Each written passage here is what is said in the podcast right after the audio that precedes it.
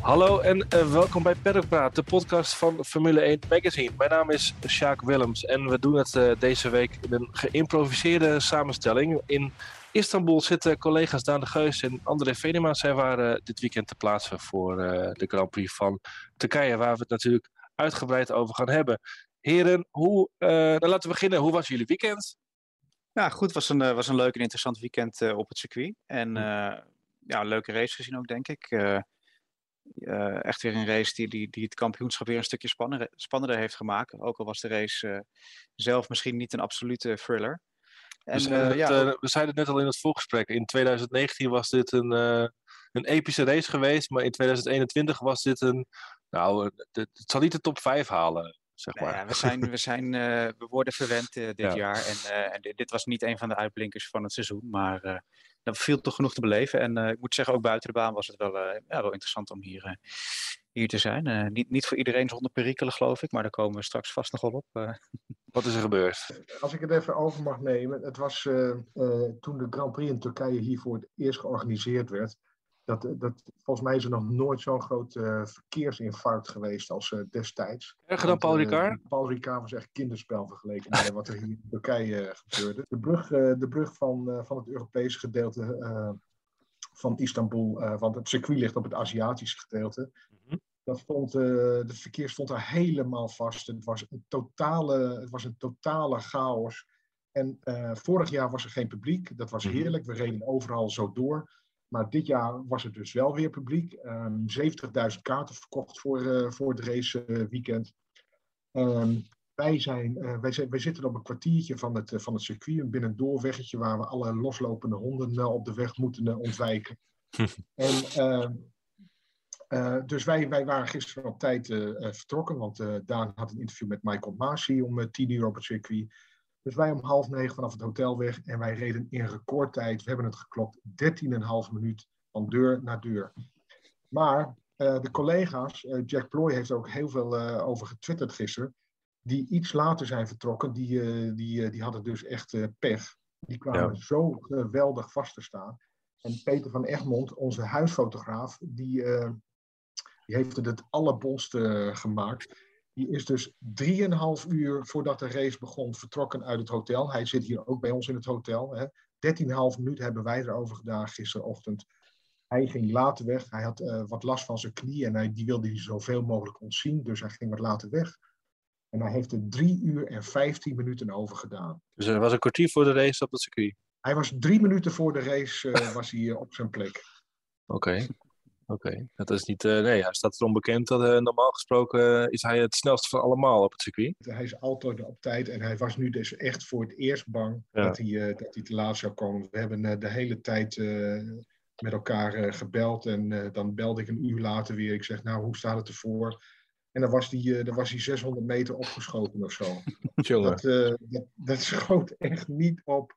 Weet je, het is zo grappig. Je, die, de, de ingang van het circuit, dat, het komt op vier of vijf wegen komen daar samen. En dan heb je daar een, een hele, hele rare rotonde. Dan heb ik het over de hoofdingang. En daar staan, ik heb volgens mij 3000 eh, agenten trafiek, politie eh, geteld gisteren daar bij de ingang van het circuit.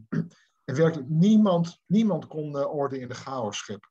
Het was een totale puinhoop. Ik heb echt georganiseerd, dat kunnen ze niet. Het was, het was niet te geloven, zo slecht als dat georganiseerd eh, wordt. Die agenten die staan, die staan daar eh, auto's tegen te houden, die staan daar te kletsen, zodat een, een, een rijlaan, eh, rijstrook wordt, wordt geblokkeerd. En dan moet je er weer omheen en moet iedereen er weer tussen.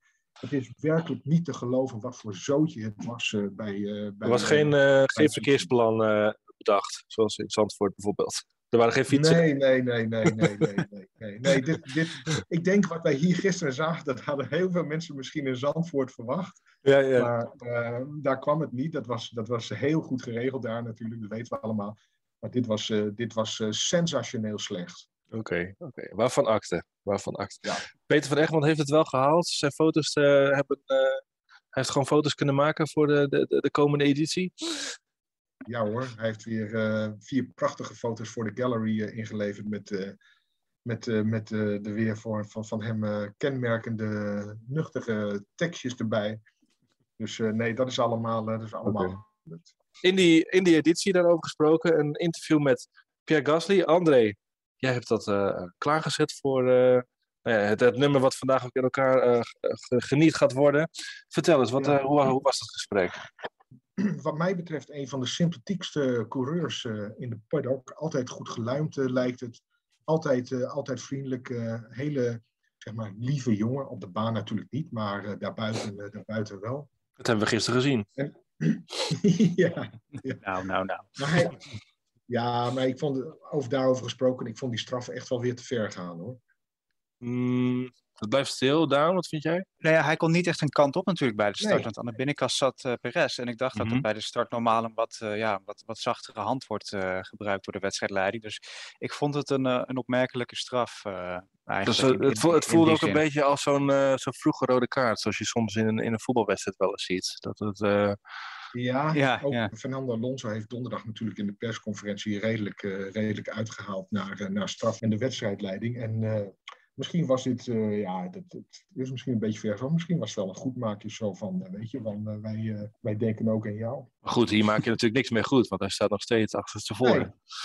Nee, nee, nee daarom, weet je, daarom vind ik die straf, ik vond die straf... Ik vond Alonso trouwens als naderhand ook heel, nou ja, coulant, hoe zeg je dat, be vol begrip over, over de positie van Gasly. Hij zei zelf ook van, ja, ja Gasly had Perez aan zijn binnenkant. Er was misschien nog best veel ruimte over, maar oké, er eh, viel wat, uh, ja, hij nam het hem niet echt vol kwalijk, zeg maar. Maar dat, dat, leek, me ook, dat leek me ook heel terecht. En Alonso, die, die weet natuurlijk als geen hand hoe, daar, hoe, daar, hoe het dringen geblazen is bij zo'n ja. Dus... ja.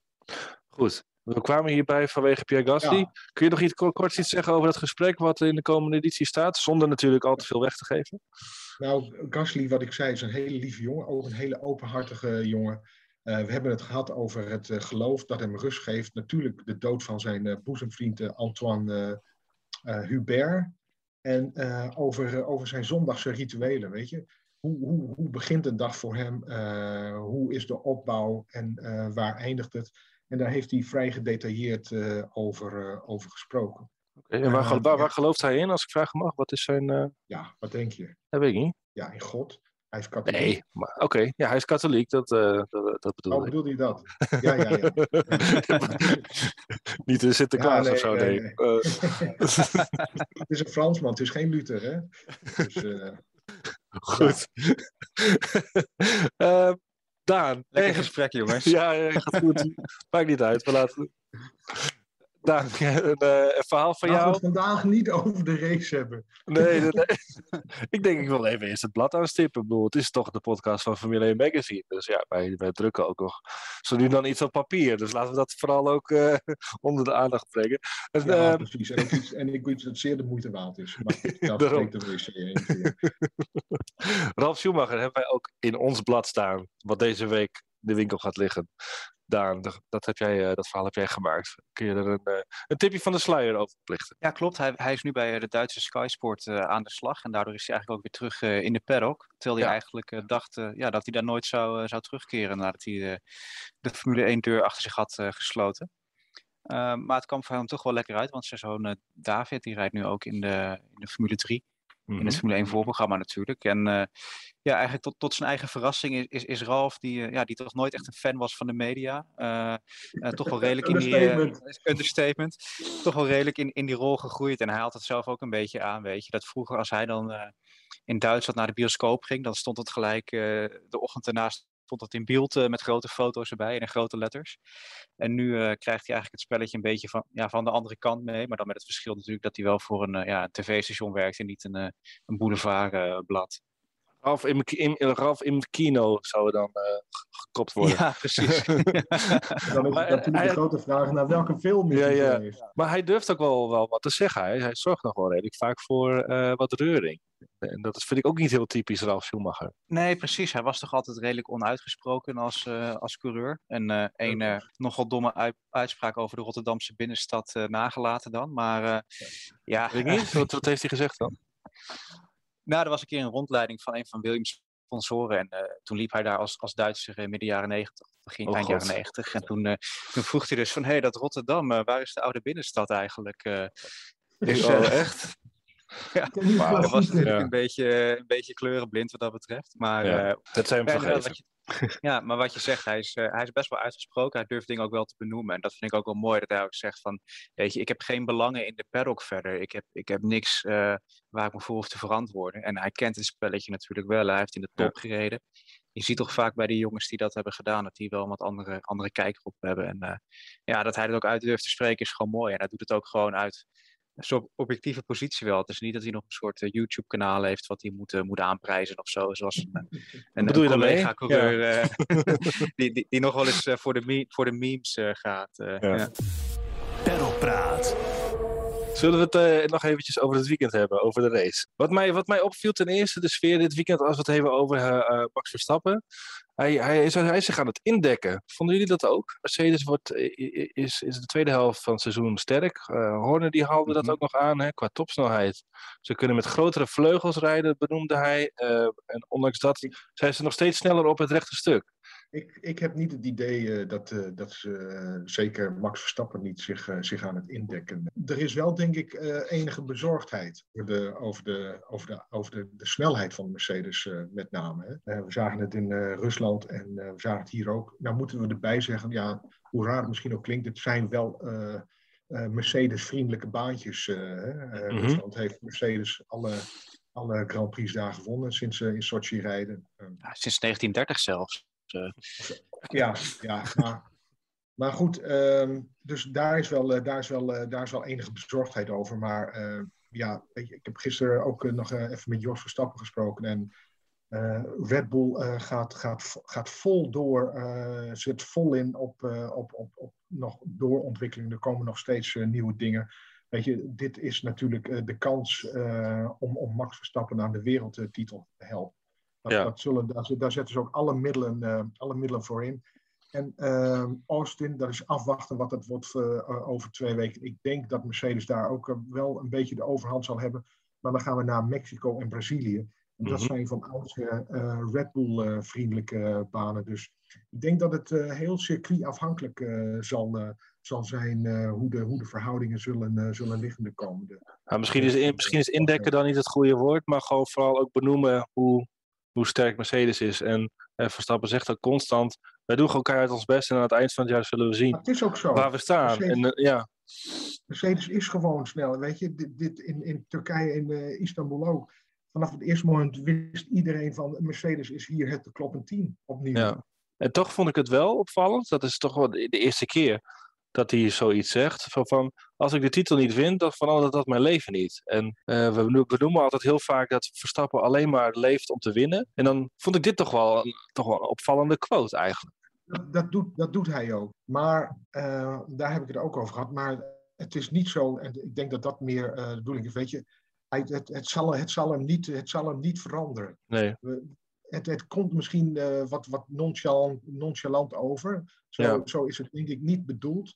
Maar nee. hij, weet je, het is niet zo dat hij in zak en as zal zitten als hij geen weer, geen wereldkampioen wordt uh, dit jaar. Nee, ik denk, ik denk dat ook wat hij. nuance wel, uh, wel, wel, wel belangrijk is. En dat hij misschien niet helemaal naar voren kwam. Maar... Nee, jij weet zelf ook, Sjaak, als er iemand realistisch is en Precies. als er iemand nooit rare of gekke of hele uh, vreemde dingen zegt, dan is het Max Verstappen wel. Nee. Die benoemt over het algemeen heel goed hoe het is. Ja. Die, loopt nooit, uh, die loopt nooit voor de muziek uh, uit. Of, Ik wilde zeggen, het is, het is, altijd een beetje flauw als het over Verstappen gaat de term maximaliseren te gebruiken. Ook al mogen we dat in onze stukjes toch wel af en toe doen.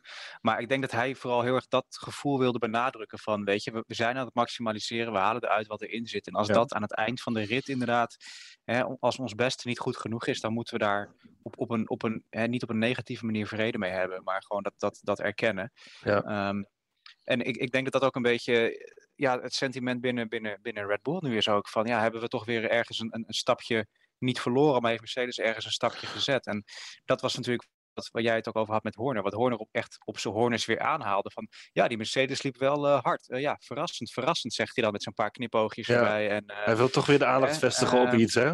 Ja, een beetje wat Mercedes begin het jaar deed met die Honda-motor. Van oh, dat vinden we toch gek, hè? Geen updates, maar wel harder lopen. En dat deed, deed Horner nu eigenlijk omgekeerd natuurlijk. En, zit er dan nog iets aan te komen dan, qua protesten? Of moet er iets onderzocht worden? Of is het gewoon het spelletje zelf? Dat weet ik niet. Ik las op een, eh, op een Duitse site wel uh, dat, uh, ik weet niet of het Horner of Marco was, die, uh, die zei dat er meer teams zich verbazen over, over de opmerkelijke ja. snelheid van Mercedes op dit moment. En dat er wel door iedereen, en dat, dat, daar twijfel ik niet aan, alle teams die hebben mensen in, in dienst, fotografen en, en videoanalisten, noem maar op, om te kijken of een ander team vals speelt. En ik weet zeker dat, uh, dat uh, zeker ook bij Red Bull, dat er zeer goed gekeken zal worden of er, uh, of er iets illegaals aan, aan de Mercedes is.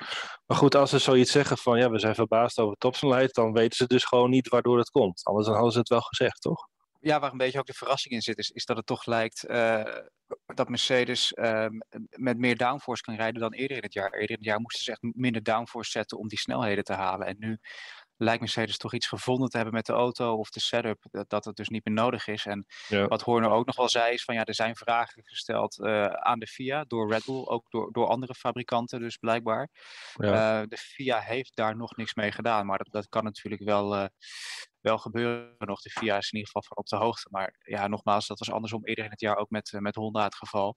Ja. Um, en wat je natuurlijk ook niet moet vergeten is, is Bottas en Hamilton hebben natuurlijk ook gewoon nieuwe motoren erin liggen. Uh, dus ja, die kun je misschien ook wat agressiever afstellen weer dan door, uh, omdat je gewoon qua betrouwbaarheid minder zorgen hoeft te maken en qua, uh, ja, qua, qua, qua mileage en, en slijtage, om het zo maar te noemen. Als er iets was, dan hadden we het natuurlijk ook gewoon gehoord in de vorm van een technical directive, heet het dan. dit en dit is niet meer toegestaan. Dan en dat is natuurlijk de afgelopen tijd ook niet gebeurd. Nee, op dat vlak is het even wat rustiger. Maar ja, wat niet is, uh, dat kan nog komen natuurlijk met nog maar zes races uh, te gaan. Maar goed, dat, dat gezegd hebbende, Mercedes was heel sterk uh, in, in Istanbul. Hamilton heeft desondanks niet gewonnen. Dus uiteindelijk onderaan de streep, uh, Verstappen staat weer aan de leiding in het klassement. Is het niet zo'n heel slecht weekend geweest natuurlijk. En daarom, daarom was iedereen uiteindelijk ook uh, nog, ja. uh, nog heel tevreden. Ja. Het is, schadebeperking wil, ik het, wil ik het niet noemen. Maar, had slechter gekund.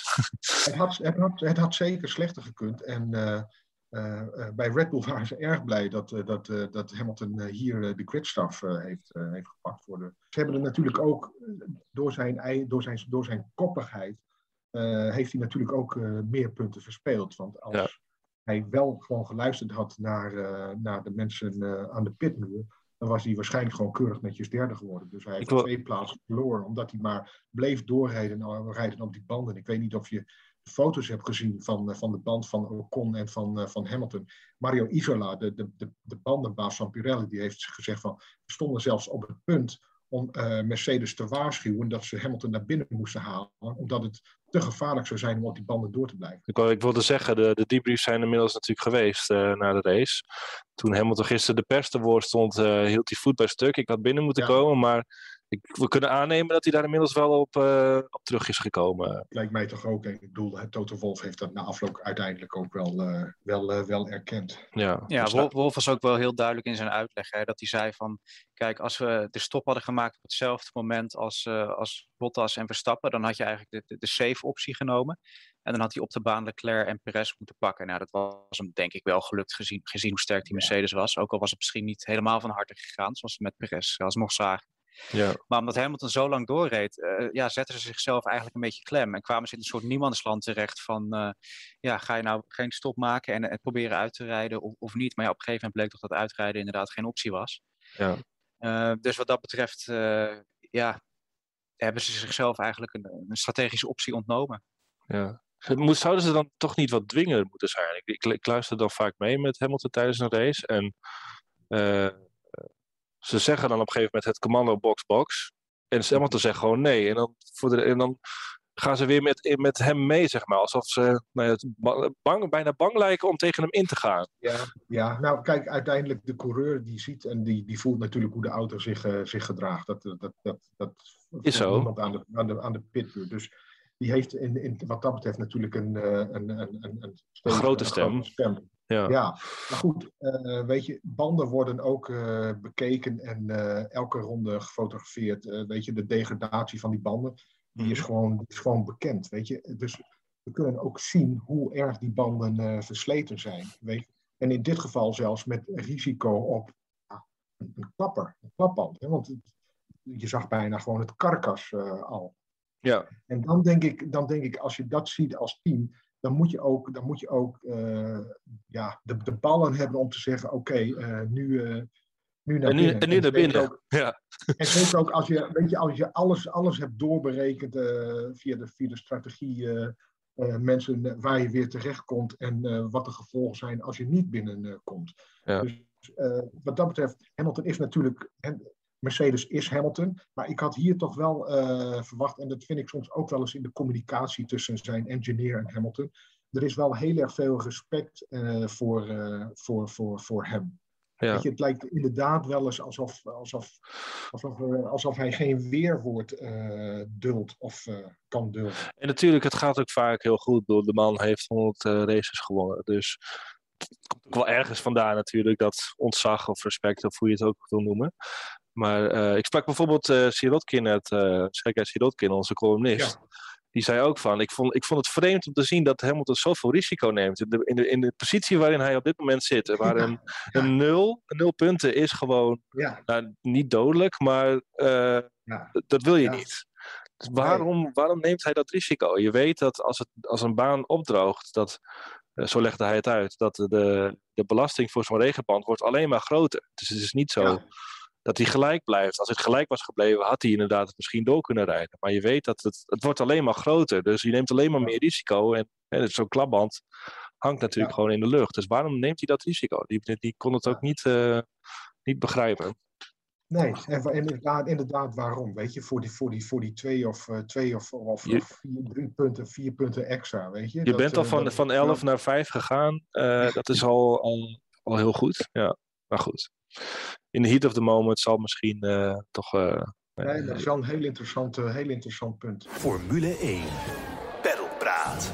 Laten we afsluiten met een soort van gewetensvraag. Is dit de laatste Grand Prix zegen van Valtteri Bottas? Yes. Ja, hij, komt denk ik ook op een, ik, hij komt denk ik ook op een goed moment. Hè? Want ik denk in die laatste races, als er al een situatie is waarin Bottas voor Hamilton rijdt, dan moet hij gewoon kant. aan de kant. Dus dit was, dit was in die zin denk ik zijn laatste kans. Tenzij hij inderdaad echt een keer een weekend gewoon compleet uh, domineert. Ja. Uh, en hem dan nog, ja, dan nog. Ja, dan maar nog, weet je, als, weet als, je... Verstappen, als Verstappen ertussen rijdt, dan, dan, hè, dan, dan zullen ze het uh, natuurlijk, dan laten ze hem gewoon een race winnen. Zo, zo werkt die rekensom natuurlijk. Maar weet je, als, als, als er mogelijkheden zijn nu dan... Hè, Bottas kan nu op een nette manier afscheid nemen met een, een zege in dit jaar achter zijn, achter zijn naam weer trouwens een hele goede overwinning van hem. Uh, indrukwekkend. De voet verkeerd gezet eigenlijk, hè? Ja, en dan eigenlijk zonder gelijk neerbuigend te willen doen als Bottas zo kan wegrijden bij Max Verstappen, die toch een, een betere coureur is in, in, in natte omstandigheden. Dat, dat onderstreept ook weer die dominantie van Mercedes uh, in, in Turkije natuurlijk. Ja. Um, maar ja, weet je, die rijdt gewoon de rest van het jaar in dienst van, uh, in dienst van Hamilton eigenlijk zoals, zoals het hele jaar al. Ja, en, doet hij al nu, Ja, en hij had nu natuurlijk gewoon een beetje geluk dat, uh, dat hij in een, een race waarin Hamilton er niet stond kon, uh, kon, kon, kon winnen. Of voor eigen ja. kansen kon gaan. Dit is wat je, dit is wat je wil van je wingman. Ik wilde zeggen, nog even heel snel over die andere wingman, Sergio Perez. Had het wel even nodig, een succesje. Ja, ja. Vol, vol, volgens, nou, volgens, mij zei Horner dat ook nog voor de race. Hè, van we hebben Perez nu wel nodig om, uh, om punten te gaan scoren. En uh, ja, hij, hij, deed het heel goed. Hij was uh, een flinke luis in de pels voor, voor Hamilton natuurlijk. Ja, en op het eind, ja. ja. zeker een mooi gevecht. Ja, dat deed hij knap. Ja. Op het eind nog naar het podium gereden. Dus ja, goed, gewoon goed gedaan.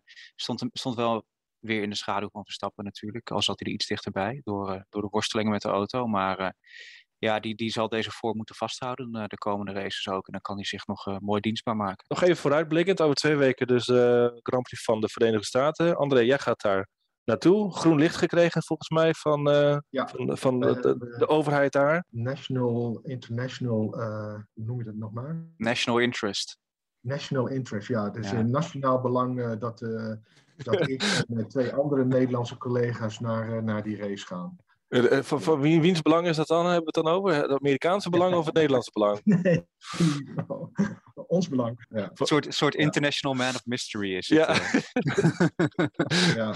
We hadden daar een, een, een, een speciale toestemming voor nodig. En eh, hebben eh, de journalisten die zich hadden geaccrediteerd voor, eh, voor Amerika uiteindelijk ook gekregen. En, eh, ik, eh, ik ga met twee collega's, twee krantencollega's. En eh, verder zal, eh, zal er niemand zijn, denk ik. Oké. De lokale ijsboer is daar ook blij mee. Dat denk ik ook. Ehm, wat ik daar nog over wilde zeggen, dat is normaal gesproken eh, Mercedes-territorium. Dus dat is nog even die laatste zure appel, Ja. laten we het even noemen, voor eh, de, hoge, de hooggelegen banen van Mexico en, en Sao Paulo, waar Red Bull dan nu nou even doorheen moet. eh.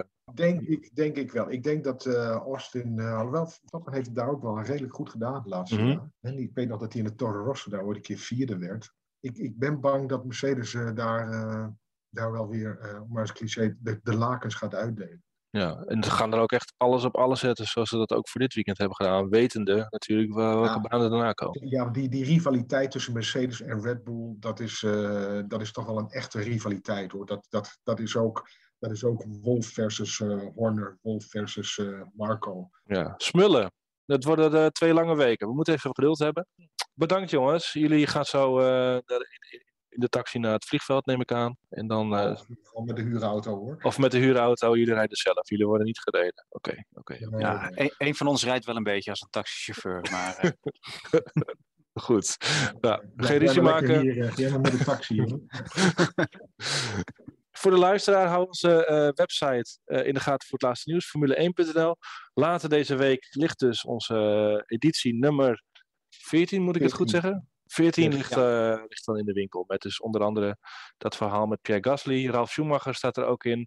Eh andere heeft een reportage over Vettel, Sebastian Vettel, de activist gemaakt. Sorry, eco- de activist en eco-strijder. Eco-strijden. Het klinkt wel echt Ja. heel erg 2021, hè? Het zou me niet verbazen als eh, Sebastian Vettel de politiek ingaat als hij klaar is met Formule 1. Hij wordt ook steeds gevraagd naar verkiezingsuitslagen. En, en bij de vorige Ja. Grand Prix inderdaad wat eh, men moet stemmen. Goed, dat dus. Ehm Graham Watson natuurlijk met zijn eh, eh, vaste column ook in het blad. Wat was zijn, eh, zijn insteek deze week? het ging over speciale kleurstellingen en wat dat betekent om dat, om dat te maken. Oh ja, betekent dat extra kopzorgen voor een teammanager? Er moet natuurlijk wel, wel wat bijgeproduceerd Er worden, neem ik er aan. moet wel het andere, een en ander bijgepunt worden, inderdaad. Dus er zit ook nog wel wat kosten aan. Ja, Ja. En je hebt ook nog een heel leuk verhaal geschreven over Las Vegas. Ja dank je. Ja, was ook een leuk verhaal om te maken. eh, met een aantal coureurs die ja- daar in de jaren tachtig eh, hebben geraced. En die vertelden over eh, ja, aan het ontbijt zitten in brandwerend ondergoed. En dames van plezier die naar verluid werden ingevlogen. Maar daar wisten ze zelf allemaal uiteraard niks van. Nee. Ook Robert Dormels komt nog aan het, aan het woord. Die heeft daar een tijdje gewoond toen hij in de Champcar reed. En Oh ja. Had daar een, eh, een heel mooi, ja, een heel sterk debuut in, in de Champcar. Het was zijn eerste race, eindigde gelijk op het podium. En had ook nog wat beginnersgeluk, beginnersgeluk in, het, eh, in het casino eh, dat weekend gelijk. Met een, een, een dollar die hij kreeg van, van John uit Texas. Dus ja, die had wel wat leuke anekdotes Maar weer. toen hij in de Chamcar reed, ging hij in Las Vegas wonen. Van, Ja, hij heeft een tijdje gewoond toen. Ja, ja, ging hij in de woestijn mee. In de woestijn Of ging hij hardlopen met zijn overall aan en zo. Ja, God. Ja. Ergens past het ook wel weer bij hem, toch? ja Bobby D. Bobby D, ja. Nou goed. Dat is in, eh, in de editie 14. Donderdag, vrijdag eh, ongeveer ligt hij eh, in, in de winkels. Dan zeg ik eh, voor nu bedankt voor het luisteren. Jongens, goede reis terug. Tot de volgende. En dan gaan we er zoals altijd uit met de uitloopstrook van Koen. De uitloopstrook van Koen. Communiceren. In de slotfase van de race in Turkije gingen mijn gedachten vanzelf terug naar Sochi twee weken eerder. Daar won Lewis Hamilton de race nadat hij zich door zijn team had laten overhalen om een pitstop te maken, terwijl Norrisje eigenwijs een bittere nederlaag leed. Voor straf moest Lando bij McLaren twee dagen in simulator zitten, om samen met het team te leren communiceren. Dat wil zeggen, gewoon te leren luisteren naar het team wanneer het tricky wordt. Het team weet en ziet doorgaans het meest. Het ziet de buien hangen op de radar. Ziet de rondetijden van coureurs op oude en nieuwe inters. Ziet de verschillen, dus het team weet tot waar je terugvalt wanneer je een pitstop maakt, enzovoort, enzovoort. Heus, als coureur voel jij als geen ander de staat van je banden, van de plassen op de baan en de flow die je hebt. Maar op de fabriek hebben ze ook nog eens een controlroom. Zo'n NASA-vluchtleidingscentrum, waar simulatoren onafgebroken ratelen om ieder scenario door te rekenen. Er kijken tegenwoordig meer ingenieurs mee met een Formule 1-auto dan met een maanraket. Neil Armstrong zei ook niet tegen Houston. Nou jongens, het gaat zo lekker. Ik vlieg nog even door. De truc is natuurlijk om al die wetenschap overtuigend te communiceren. Je kunt tijdens een Formule 1 rondje geen videoconferentie houden, maar Mercedes had op zijn minst de keypoints op een rijtje kunnen zetten om die zevenvoudige bedweter daar op de baan te overtuigen. Ongeveer zo. Lewis, we weten niet hoe lang de banden het houden. We willen geen DNF riskeren. We verliezen een paar plekken als je binnenkomt, maar hoe eerder je dat doet, hoe groter de kans dat je ze weer terugpakt. Maar hoe meer ik Toto Wolf achteraf hoor praten, hoe meer ik me afvraag of ze ze wel op een rijtje hadden bij Mercedes. Misschien zijn ze bij McLaren zo gek nog niet en moeten Bono en Lewis ook maar eens een paar dagen in de simulator gaan zitten. Met Toto erbij. Pedalpraat.